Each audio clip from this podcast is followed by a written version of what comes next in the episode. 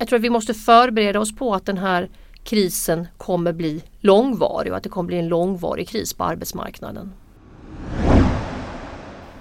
Du lyssnar på Samhällsvetarpodden med mig Ursula Berge. Idag ska vi prata om hur jobben ska växa fram efter pandemin. You all come to us young people for hope.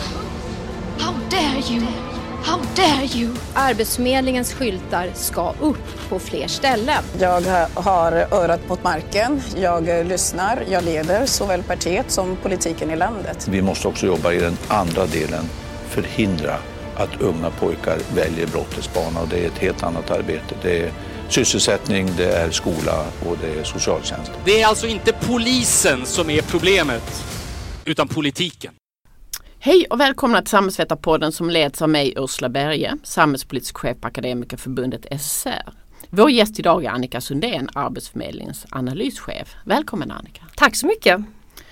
Du har gått från ett hyfsat internt inriktat jobb till att från och med mars ha veckovisa presskonferenser om varsel, arbetslöshet och mycket annat. Beskriv den här omställningen. Allting gick ju väldigt, väldigt snabbt i, i mars när åtgärderna för att förhindra smittspridningen kom så slog de ju direkt mot arbetsmarknaden och från en vecka till en annan så såg vi ju antalet personer som blev varslade stiga från ett par hundra till tusentals. Och det blev också väldigt viktigt att, att, att kunna berätta om det här och följa utvecklingen i realtid. Vad var det egentligen som hände?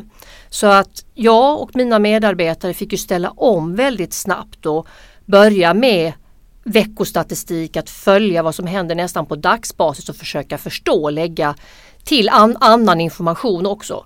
Och så blev det väldigt viktigt att berätta om det för, för media, för politiker och för, för andra. Mm. Hur känner du inför det här att, att det fanns ett sug efter fakta? Det är nästan som Folkhälsomyndigheten som hade presskonferens varje dag. Liksom. Känner du att det eh, behövs? Att svenska folket behöver det? Jag tror det är viktigt. Jag tror det är viktigt att förstå vad som händer det var ju så väldigt dramatiskt. Det, det, var ju siffror som vi aldrig har sett tidigare. Vi hade ju under någon vecka var det 18 000 personer som varslades om uppsägning. Så det var ju väldigt dramatiskt i, i människors liv eh, och i allas våra liv och då tror jag det är jätteviktigt att man berättar om det och förklarar och, så att man förstår vilket läge vi är i. Mm. Och det du beskriver är ju bland annat den här varselsituationen i mars. Och det fanns ju den värsta veckan i mars hade ni 40 000 varslade och normala siffror är kanske 3-4 000 på en månad. Så det är mycket värre än 90-talskrisen och finanskrisen. Vad tänkte du då när du stod där med de siffrorna och skulle presentera dem? Alltså, det första jag tänkte var nu, var ska det här sluta? Vad är det som händer? Eh, men sen, sen så tänkte jag också, för att vi kom ju från en högkonjunktur. Innan pandemin så hade vi hög sysselsättning, högt arbetskraftsdeltagande. Det började en viss avmattning men vi har ju i grunden en, en stark och sund ekonomi och där det till och med är brist på arbetskraft i vissa sektorer. Och jag tänkte att det här är en hälsokris. Den här krisen kommer att gå över. Det kommer ta ett tag men den kommer att gå över. Eh, och att vi kan utnyttja att vi är i ett bra läge från början. Men visst, det var väldigt, väldigt dramatiskt.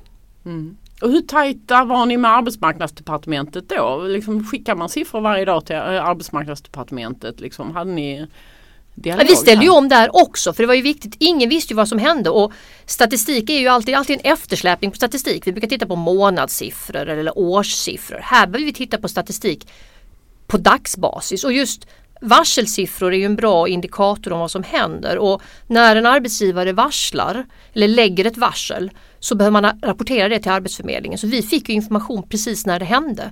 Eh, och då blir det ju viktigt att berätta om, om det för Arbetsmarknadsdepartementet men också för Finansdepartementet. Regeringen var ju också snabb att komma med åtgärder och, och för att kunna göra det så är det viktigt att vi tillhandahåller all den information som vi har. Mm. Om du sätter det i jämförelse med 90-talskrisen och, och, finanskrisen, hur ska vi förstå eh, liksom, dimensionerna på det här?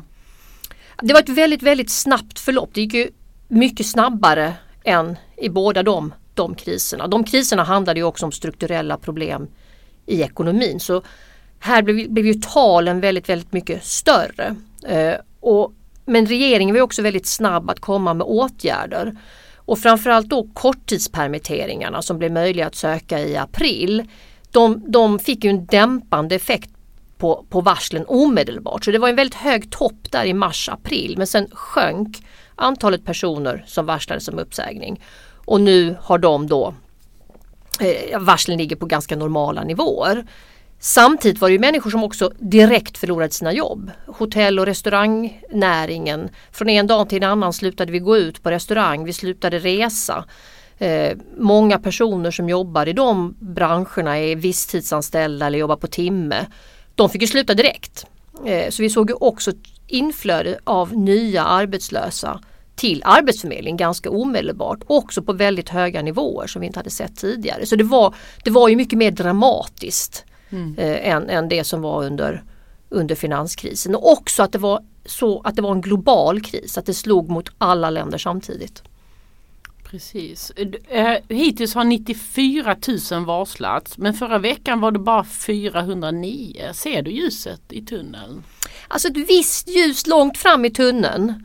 Eh, nu under sommaren eh, så har ju länder börjat komma igång. Eh, Sverige är ju en väldigt exportberoende ekonomi, ett exportberoende land. Och att, att länder då som vi handlar med helt stängde ner påverkade ju Sverige väldigt mycket. Nu har andra länder börjat, börjat öppna. Eh, vi kan också resa inom Sverige.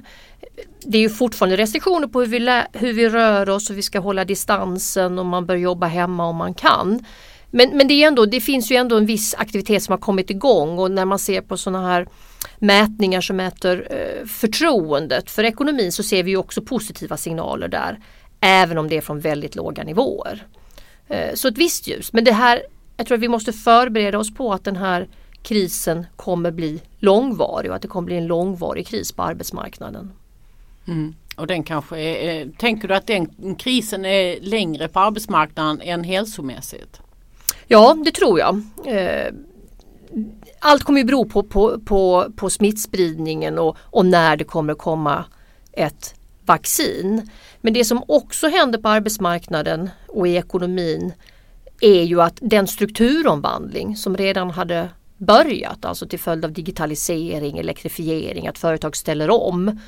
Den påskyndas av det här så att en del av dem eller kanske till och med många av de jobb som nu har försvunnit kommer inte komma tillbaka. Mm. Internationellt eh, om man gör en jämförelse brukar man ju säga att Sverige är duktiga på struktur, att vi är duktiga på strukturomvandlingar och att den svenska modellen är konstruerad lite för att kunna bejaka det. Kommer vi ha en fördel av det tror du? Det tror jag. Vi är duktiga på det. Vi har jämfört med andra länder generösa socialförsäkringssystem som säkrar individers trygghet. Vi har då paket till, till företag för att kunna ställa om.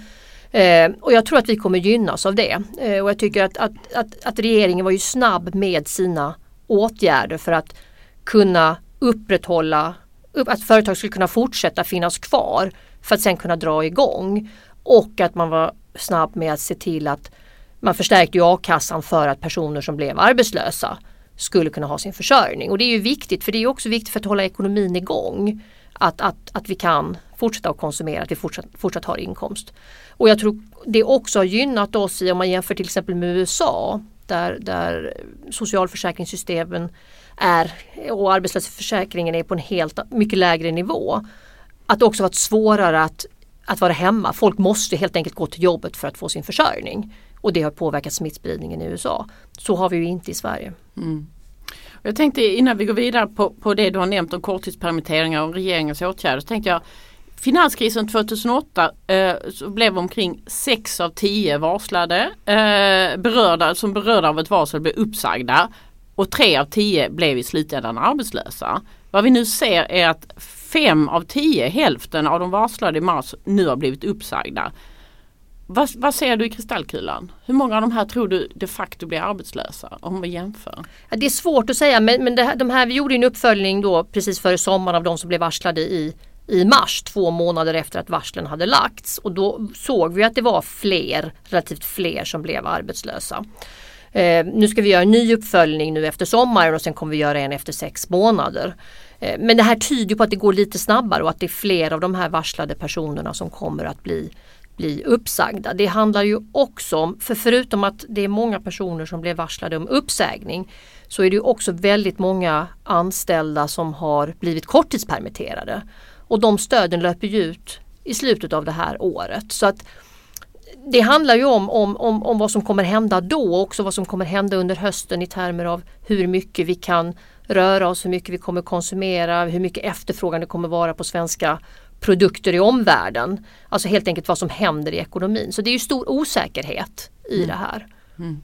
Och du har varit inne flera gånger på det här med korttidspermitteringar och det var ju regeringens sätt att försöka dämpa uppsägningarna och, och det var ju Kort kan man ju säga att man, man, man blir ledig eller permitterad en viss del av arbetstiden upp till 80 var det ju och sen betalar staten mellanskillnaden och, och den arbetstagaren går ner lite i lön kan man säga men inte så mycket.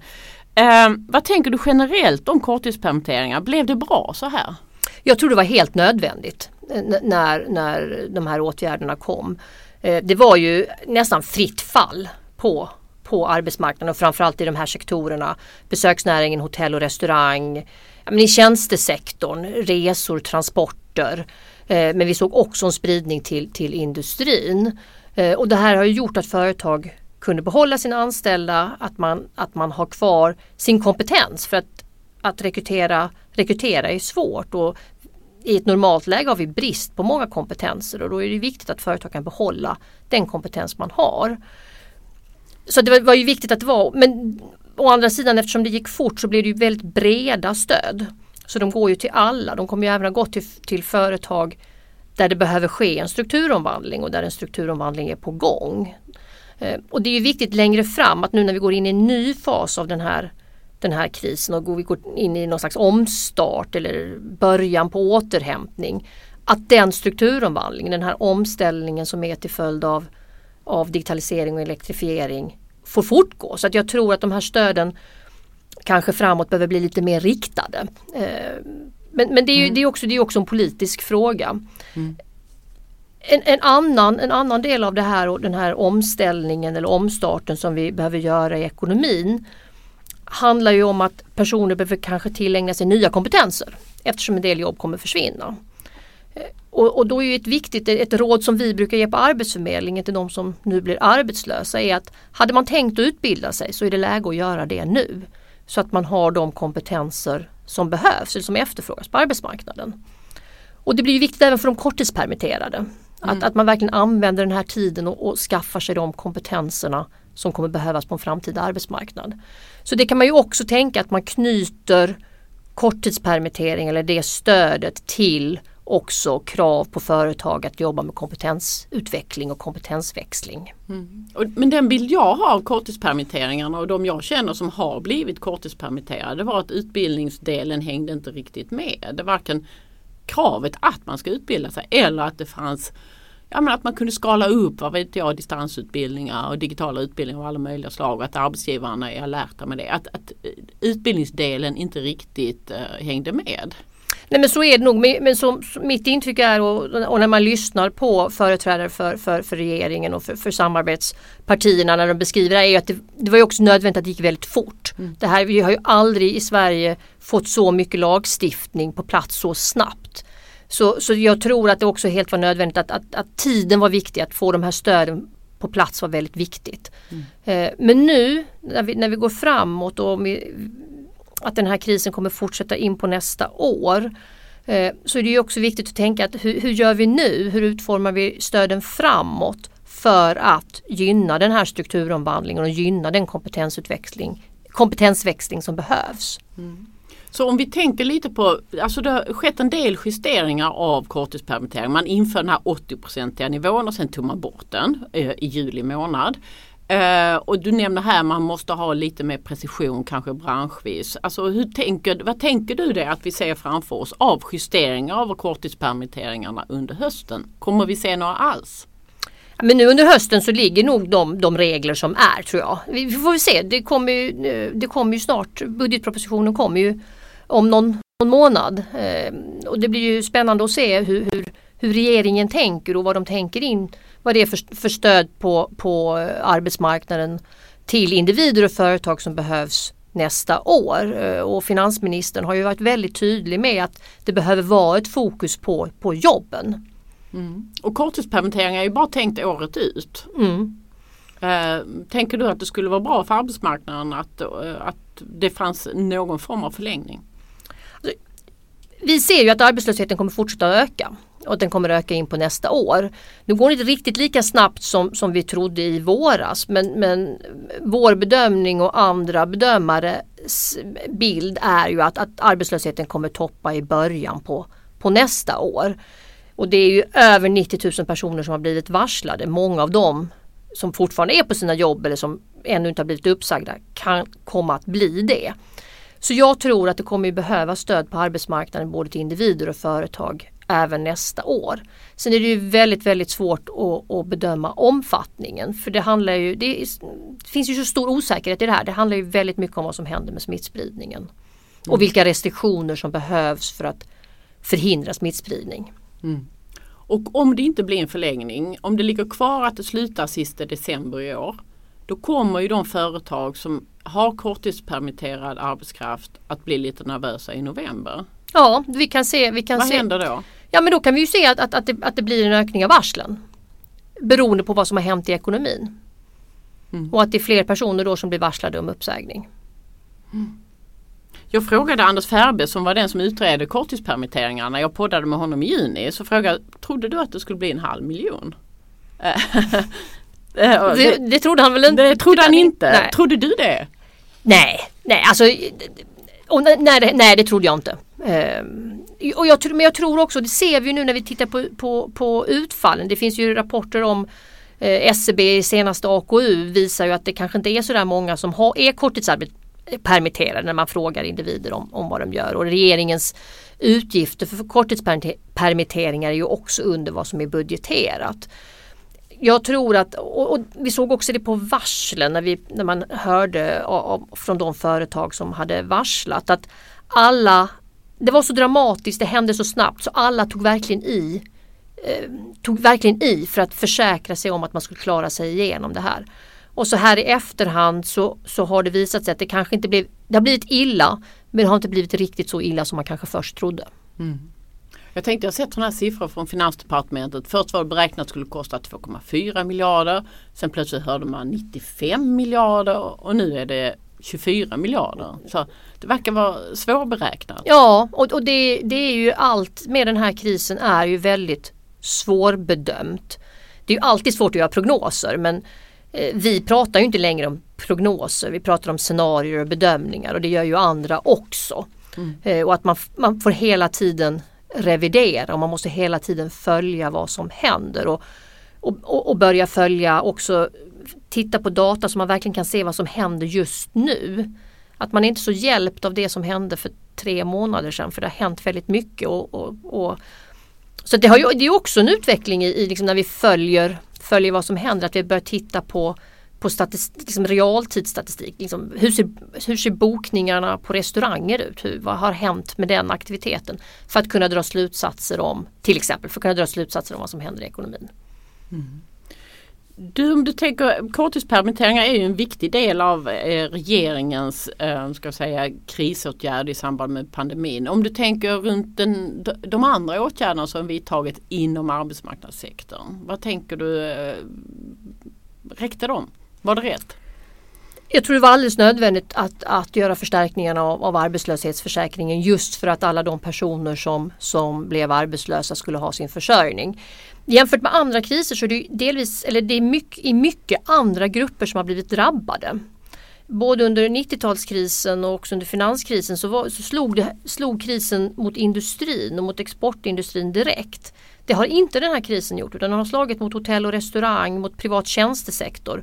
Där det jobbar många unga personer, många personer med kort arbetslivserfarenhet, många personer med utrikes bakgrund. Ehm, och, och många som har korta anställningar, inte varit så länge och som inte kanske var med i a-kassan. Ehm, och, och att, att de personerna ska ha sin försörjning under den här krisen det har ju varit viktigt. Mm. Så a-kassan. Eh... Och, och, som vi har varit inne på att korttidspermitterat företag kunde, kunde fortsätta. Eh, sen om man tittar på, liksom på arbetsmarknadspolitiken så, så, så för Arbetsförmedlingen, vi har ju också fått mer resurser i, i den här krisen för att kunna hantera det stora inflöde både av, av, av varsel men också framförallt av nya arbetslösa som skriver in sig på Arbetsförmedlingen och det gör man nästan alla gör det digitalt men sen behöver man ändå ha en kontakt med Arbetsförmedlingen för att göra en planering. Och det är viktigt att det sker snabbt så att man också kan få sin arbetslöshetsersättning. Så att det var ju viktigt att, att Arbetsförmedlingen fick mer resurser så att vi kunde ställa om. Mm. Eh, har ni lyckats med det att få folk att folk får sin, eh, att allting funkar med a-kassa, aktivitetsstöd, etableringsersättning, alltså att det i alla fall håller igång? Ja, vi, vi ställde om och, vi, och, och omfördelade våra resurser så att vi kunde ta emot det här stora inflödet av nya arbetslösa. Och sen har det varit naturligtvis ett väldigt stort tryck på a-kassorna. Eh, mm. Att, att, att få, få det här att fungera också såklart. Ehm, och sen var det ju rusning där sista mars. Ja, in i a-kassan. Ja, in i a-kassan för att man skulle få a-kassa. Vi som, är, som fackförbund är man ju huvudmän också för a-kassan mm. så vi tycker det är trevligt mm. med nya mm. medlemmar. Mm. Mm. Men sen tittar man på arbetsmarknadspolitiken som helhet så, så, kommer det ju också bli viktigt nu för de här personerna som blir arbetslösa. Det är personer som står ganska nära arbetsmarknaden. Eh, många har, har gymnasieutbildning, de har några års arbetslivserfarenhet. Och i normala tider har de ganska lätt att få jobb igen eh, när det vänder. Men blir den här krisen, och den här krisen blir ju långvarig, så är det viktigt att de får stöd att hålla kontakten med arbetsmarknaden. Eh, får stöd i att, att hur söker man jobb? Eh, att, man, att man söker de jobb som finns, att man kanske måste tänka på andra jobb än, än det man kom ifrån. Så det blir också en uppg viktig uppgift för, för för Arbetsförmedlingen att, att, att, jobba med den här gruppen som har blivit arbetslösa. Mm. Samtidigt ska vi komma ihåg att vi hade där innan krisen en grupp av personer som hade varit arbetslösa länge, som var långtidsarbetslösa och som domineras av, av, av personer som saknar, i, i mångt och mycket saknar de kompetenser som efterfrågas på arbetsmarknaden. Många av de nyanlända som kom till Sverige 2015-2016 där eh, hälften inte har en gymnasieutbildning. Och den gruppen, den, den gruppen får det ju mycket svårare på arbetsmarknaden nu. Eh, och för den gruppen så har, är ju utbildning viktigt men det är också viktigt att komma ut och få praktik som en insats eller komma ut i en, i en subventionerad anställning. Och just de här arbetsplatsnära insatserna som praktik, subventionerade anställningar, extratjänster de har inte vi kvar i vår verktygslåda. För att, för att förhindra smittspridning kan vi inte vara på våra arbetsplatser så arbetsgivare kan inte ta emot de här personerna. Och, och det, blir ju, det blir ju svårt för den gruppen så där, där måste man ju också tänka hur, hur det att, att, det finns insatser för dem framåt. Men tänker du att det är politiska åtgärder som krävs för att vidga de möjligheterna eller är det kreativt tänkande på Arbetsförmedlingen?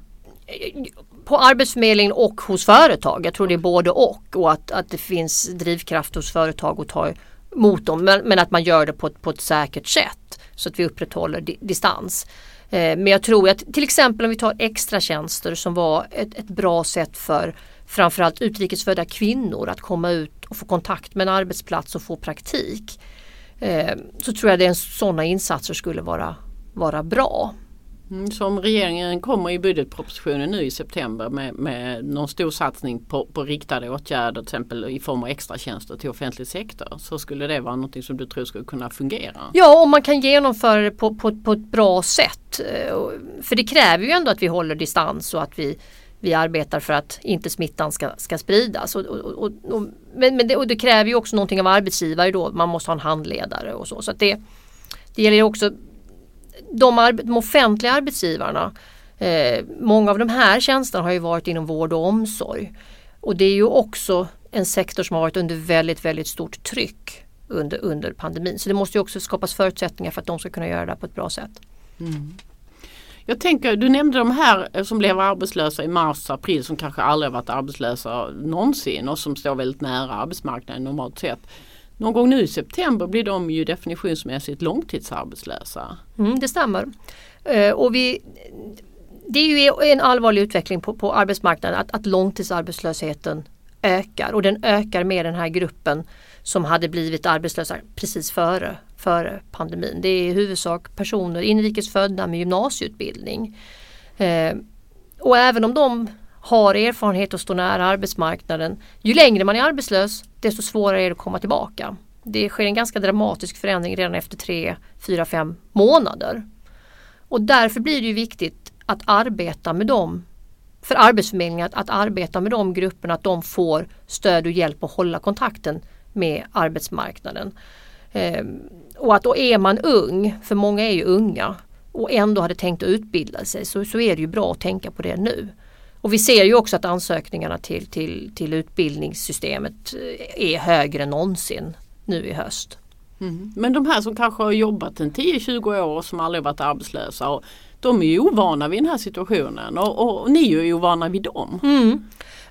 De behöver, då, då, då behöver man ju liksom, hur, hur, söker man ett jobb? Hur skriver man ett CV? Vilka jobb kan man tänka sig? Om man, om man tar till exempel personer, handeln har ju blivit, blivit drabbad. Eh, vi har gått över väldigt mycket mer till onlinehandel så det finns efterfrågan på logistik och lagerpersonal och så här. Men alltså, att stå i kassa är mindre, mindre attraktivt nu och har man haft ett sådant jobb länge då får man nog tänka att ja, men det där jobbet kommer kanske inte komma tillbaka. Vad kan jag göra istället? Vilka jobb finns som jag kan söka som jag skulle kunna göra eller vilja göra och, och vilken eventuell utbildning behöver jag för att ta de jobben.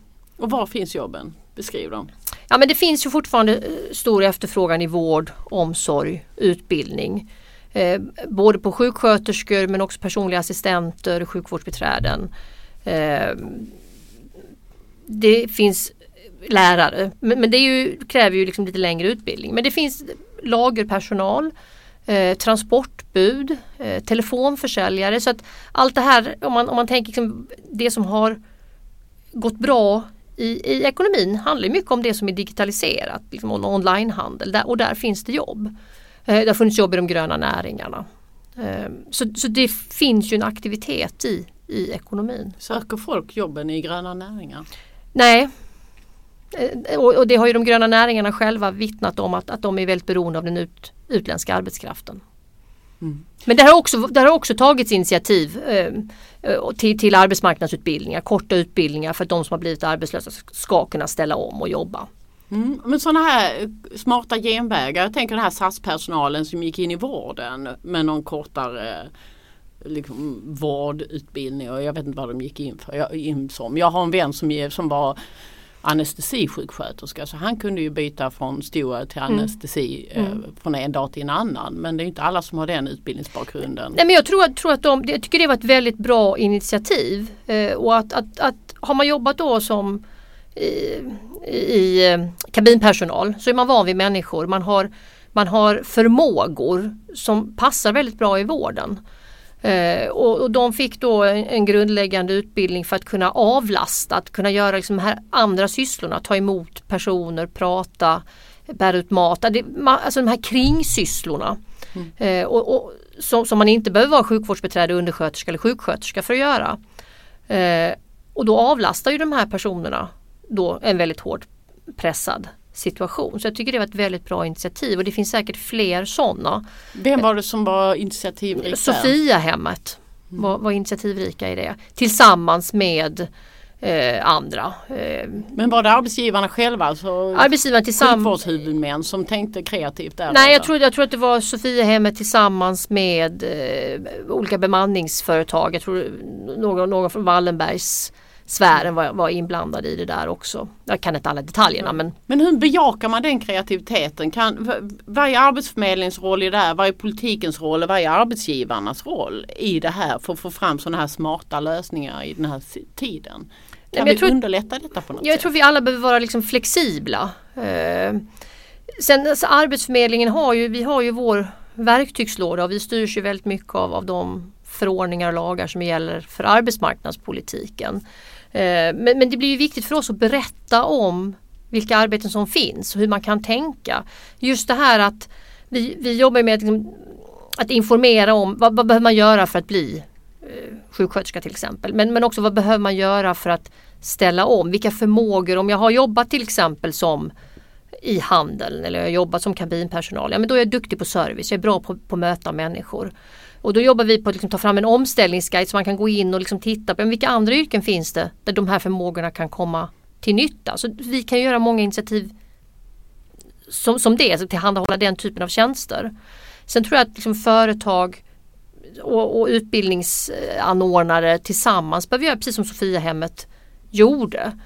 Eh, så jag tror att alla, alla har lite olika roller i det här. Mm. Eh, men pröva nytt. Mm. Det kan vara svårt. Det kan vara svårt. Och du beskrev här att ni tror att det pikar någon gång i i arbetslösheten i, i kanske efter nyår? I mars, Mars. nä, nästa Mm. år har vi sagt. Eh, Men, Men, du men, säger ju ändå, det, det, folk kommer ändå i jobb nu. Kan du beskriva det? Vad har ni för inflöde och vad har ni för utflöde? Om man tittar på de senaste veckorna och sen, sen i mitten på, på juli så är det ungefär lika många som skriver in sig som, som nya arbetslösa och det har varierat mellan 8, 9 upp till 11 000 personer. Det är nästan lika många som skriver in sig som också lämnar Arbetsförmedlingen för jobb. Eh, så att arbetslöshetsnivån som vi mäter den har legat kvar på 9,2 procent under ganska många veckor nu. Eh, och, och det tyder ju på att, att det händer någonting i, att det, att det ändå har börjat dra igång en del i ekonomin även om vi kommer från väldigt låga nivåer. Och det här kommer vi behöva följa väldigt noga för att också kunna göra en bedömning om hur, hur, hur arbetslösheten kommer utvecklas framåt. Så den ökar ju inte alls lika snabbt som vi trodde i våras. Det är fortfarande illa men inte så illa som vi trodde i våras. Nej. Normala år när man tittar på sådana här kurvor så brukar alltid augusti september vara sådär jättebra månader då väldigt många får jobb.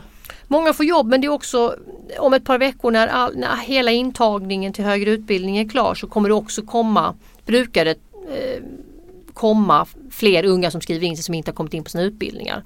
Eh, men absolut, eh, vi får ju se vad som händer och, och det kommer ju bero på de här sakerna som vi har pratat om. Vad händer med smittspridningen? Vad kommer att hända när korttidspermitteringarna löper ut? Vad händer i omvärlden? Vi ser ju att, att länder nu börjar vidta ytterligare restriktioner när smittspridningen ökar i vissa länder. Eh, Sverige i huvudsak det är, drivs ju av vår, vår exportindustri. Det är ju motorn. Eh, och vi är ju väldigt beroende då av vad som händer i omvärlden.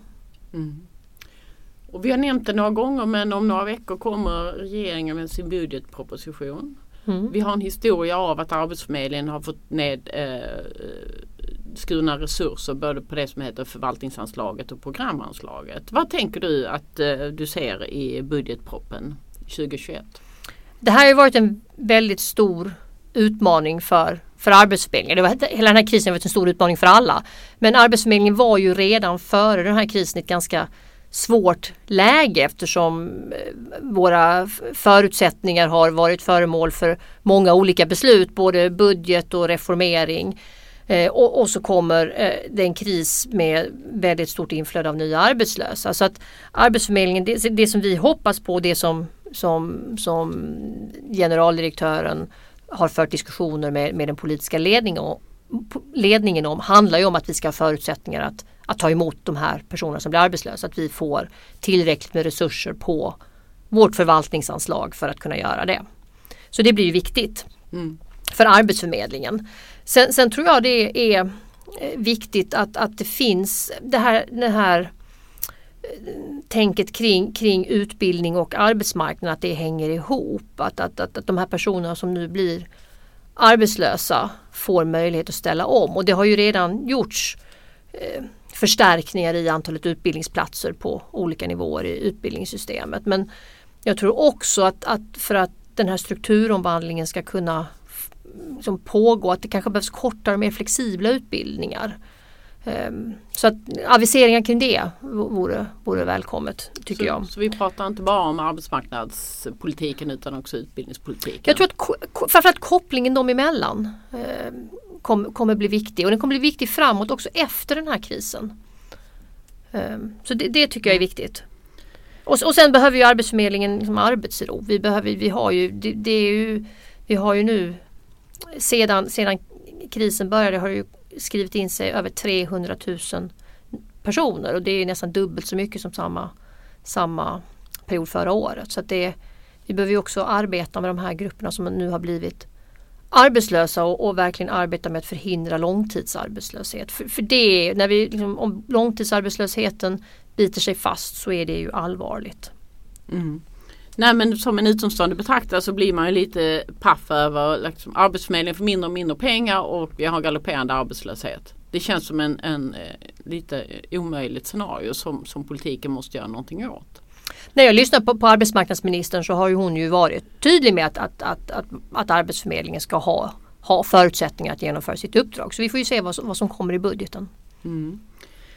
Du nämner det här med utbildningsåtgärder och man kan ju ibland slås av det här. Man kanske inte alltid upplever att till exempel vi som ett akademikerförbund är mycket fokuserade på högre utbildning. Att kanske är det så att Sveriges lärosäten inte alltid har sett sig som en del av det livslånga lärandet och vara en del av att vara en utbildningsinsats inom ramen för arbetsmarknadspolitik. Um, ser vi någon, uh, något skifte där? Kan vi tänka oss att, att även till exempel högre utbildning tänker mer att man har mer av fristående kurser, kortare lösningar som gör att man kan ta det parallellt med att man jobbar eller ta, ta en paus i arbetslivet istället för väldigt eh, ska jag säga, programmifierade grundutbildningar. Jag tror att det där kommer bli väldigt viktigt och att, att, att de, den högre utbildningen verkligen kommer med i det livslånga lärandet på, på, på riktigt. Eh, och jag tror att det, det handlar om vilka grupper som i tidigare kriser eller tidigare strukturomvandlingar har blivit arbetslösa. Eh, de grupper som nu kommer bli arbetslösa det är i mycket högre utsträckning personer med, med höga utbildningar. Digitaliseringen kommer att förändra många yrken. Jag tror mitt jobb kommer ändras. Juristjobbet kommer förändras, ingenjörer, det ser vi också att ingenjörer har drabbats i den här krisen eftersom fordonsindustrin ställer om till elektrifiering. Så, och då är, det ju, då är det personer som behöver skaffa sig nya kompetenser och möjligheten då att kunna göra det flexibelt och i lite kortare kurser än att gå ett nytt program på två år tror jag kommer bli helt nödvändigt för att vi ska klara av den här omställningen. Eh, så att det livslånga lärandet behöver ju genomsyra hela utbildningssystemet. Mm.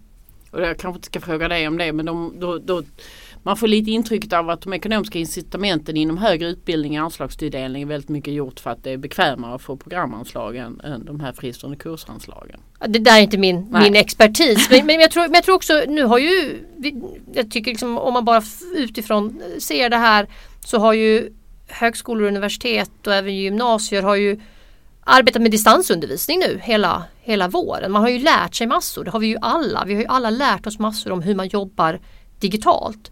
Och det tycker jag också är en sån här viktig grej att nu ta vara på det vi har lärt oss. Och, och hur kan man då ge kurser på, på digitalt kortare för de här personerna ska kunna ställa om. Jag tror att vi också har förutsättningar och att, att olika aktörer har förutsättningar att göra nya, ta nya initiativ och göra nya nya insatser. Mm. Och den digitaliseringen gick ju galet fort. Alltså, ja vi fick ju alla lära oss massa nya program och grejer ja. på en gång. Ja och fördelen med digital, digitala lösningar är ju att man kan skala upp dem.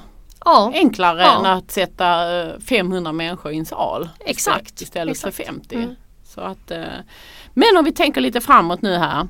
Eh, vad behöver vi eh, för att vi snabbast möjligt ska komma ur den här lågkonjunkturen? Ur arbetsmarknadspolitiskt perspektiv om vi tittar lite i kristallkulan? Nej, men jag, jag, tror att det, är, det handlar ju om att få folk tillbaka, i, de som har blivit arbetslösa, att få dem tillbaka i arbete, att förebygga, förhindra långtidsarbetslöshet. Att se till att vi då har stöd till individer och företag så att det är möjligt. Eh, men samtidigt stödja den här strukturomvandlingen, att ge, ge personer möjlighet att, att ställa om, att, att utbilda sig, att, att växla sin kompetens.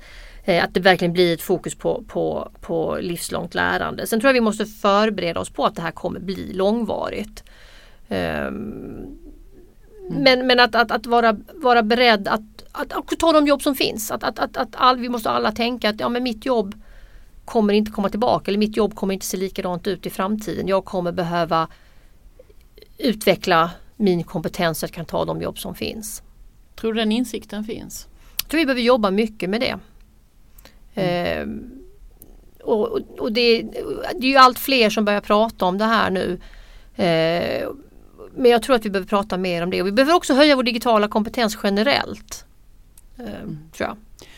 När jag poddade, nu citerar jag Anders Färbe igen, när jag poddade med honom så ett motiv till att, att regeringen utredde det här med korttidspermitteringar och införde det. Det var för att erfarenheter från 2008 var att när det väl drog igång igen, när hjulen drog igång, då hade svenska företag sagt upp folk. Men till exempel tyska företag hade kortsarbete och, och kunde ganska snabbt bara återanställa, eller de var ju redan anställda, men ta tillbaka dem från permitteringar. Så att Tyskland kunde starta mycket snabbare mm. än vad vi kunde för att liksom, de svenska företagen var tvungna att börja anställa och en massa processer. Kommer, vi att, eh, kommer den konkurrensnackdelen att, vara borta tror du? Tror du vi kommer snabbare tillbaka även till de jobb som kommer att finnas kvar? Ja nu har vi ju korttidspermitteringar ja. hela det här året men, men det är klart att om de, om de bara upphör och att alla de här personerna skulle bli, eller många av de här skulle bli arbetslösa så, så blir det ju sämre. Nej, men jag tror precis på det där. Och, och just, just vi ska komma ihåg att vi kommer, vi har ju i grunden liksom en, en god ekonomi och det är ju fortfarande brist på mycket arbetskraft. Det är brist på ingenjörer i vissa inom IT, det är brist på utvecklare, det är brist inom sjuk och hälsovården och då, då är det viktigt att man behåller de här personerna. För det är svårt och dyrt att rekrytera. Så absolut. Det är viktigt att man kan dra igång när det väl vänder. Mm. Finns det fler, eh, fler smarta saker vi ska tänka på nu här? Som en avrundande svår fråga. Det är en svår fråga. Nej, men jag, jag, jag tror verkligen, men det, men det är ju det här helhetsperspektivet. Och som jag tycker ligger i de här åtgärderna som, som har funnits. Att, att individer har sin försörjning. Att företag kan behålla sin kompetens och sina anställda för att dra igång. Att vi uppmuntrar till kompetensväxling och kompetensutveckling för att stödja strukturomvandlingen. Eh, utbildning, alltså Sverige hade ju redan före den här krisen en avancerad arbetsmarknad alla arbetsgivare vill att man har åtminstone en gymnasieutbildning helst. Mer i vissa fall. Och att, att, att, det kommer, att, den, att, det, att den utvecklingen kommer fortsätta. Så att som utbildningen är ändå grunden. Mm. Så, så då finns det ju fler saker än bara korttidspermitteringar. Man kanske ska tänka på att man inte stendödar till nyår. Mm. Ja, jag tror det. Men vi får se. Det, det här är ju föremål för säkert för förhandlingar. Tack Annika. Tack så mycket. Det var allt från Samhällsvetarpodden den här veckan. Samhällsvetarpodden görs varannan vecka och fångar upp stora samhällspolitiska frågor. Du hittar oss där du hittar andra podcasts. Samhällsvetarpodden görs av Akademikerförbundet SSR, Sveriges ledande samhällsvetarförbund.